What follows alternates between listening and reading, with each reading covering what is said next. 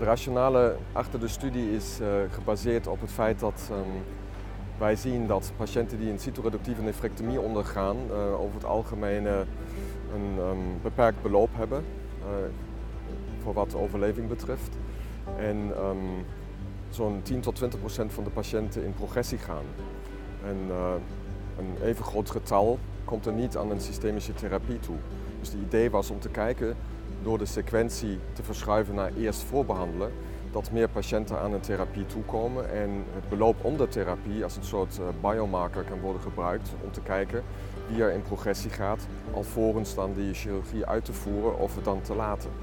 De studie had als uh, primair eindpunt progressievrije overleving en onder de aanname dat wij progressievrije overleving konden verbeteren van 9 naar 12 maanden um, door de sequentie naar voorbehandeling te verschuiven, gingen we ervan uit dat we 458 patiënten nodig hadden of 380 events.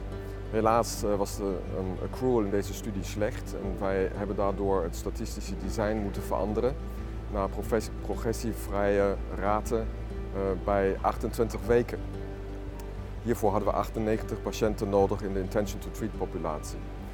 patiënten werden vervolgens gerandomiseerd, 1 tot 1 tot cytoreductieve nefrectomie gevolgd door medicamenteuze behandeling met sunitinib versus eerst sunitinib en dan cytoreductieve nefrectomie. Uh, verondersteld dat patiënten dus niet um, met de metastasering in progressie gingen en dan wederom gevolgd door sunitinib. We hebben uiteindelijk geen verschil kunnen aantonen in progressievrije overleving, uh, wat deze studie um, principieel tot een negatieve studie maakt, maar op de um, secundaire eindpunt, overall survival, hebben wij een hazard ratio um, van 0,57 met een p-value uh, van 0,032 kunnen vinden um, in voordeel voor sunitinib voorbehandeling. Dat was in de intention to treat populatie.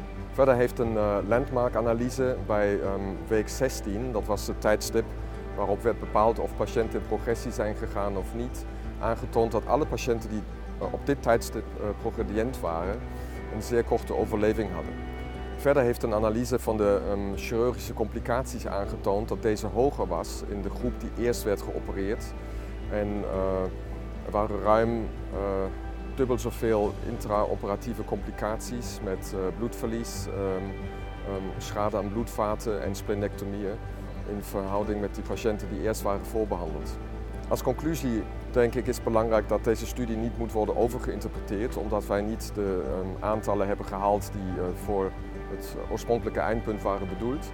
Maar we zien toch wel duidelijk dat patiënten um, die eerst met sunitinib worden behandeld, waarschijnlijk kunnen worden geselecteerd op hun beloop. Als belangrijkste uh, conclusie voor de praktijk is naar mijn mening uh, uit de studie naar voren gekomen dat patiënten een voordeel kunnen hebben door voorbehandeling. Um, eh, die zich uit in uh, selectie van patiënten die alsnog een voordeel zouden kunnen hebben van de chirurgie of uh, die zo'n kort overleven hebben dat zij een verandering van therapie nodig hebben en hierdoor een ingreep kan worden bespaard.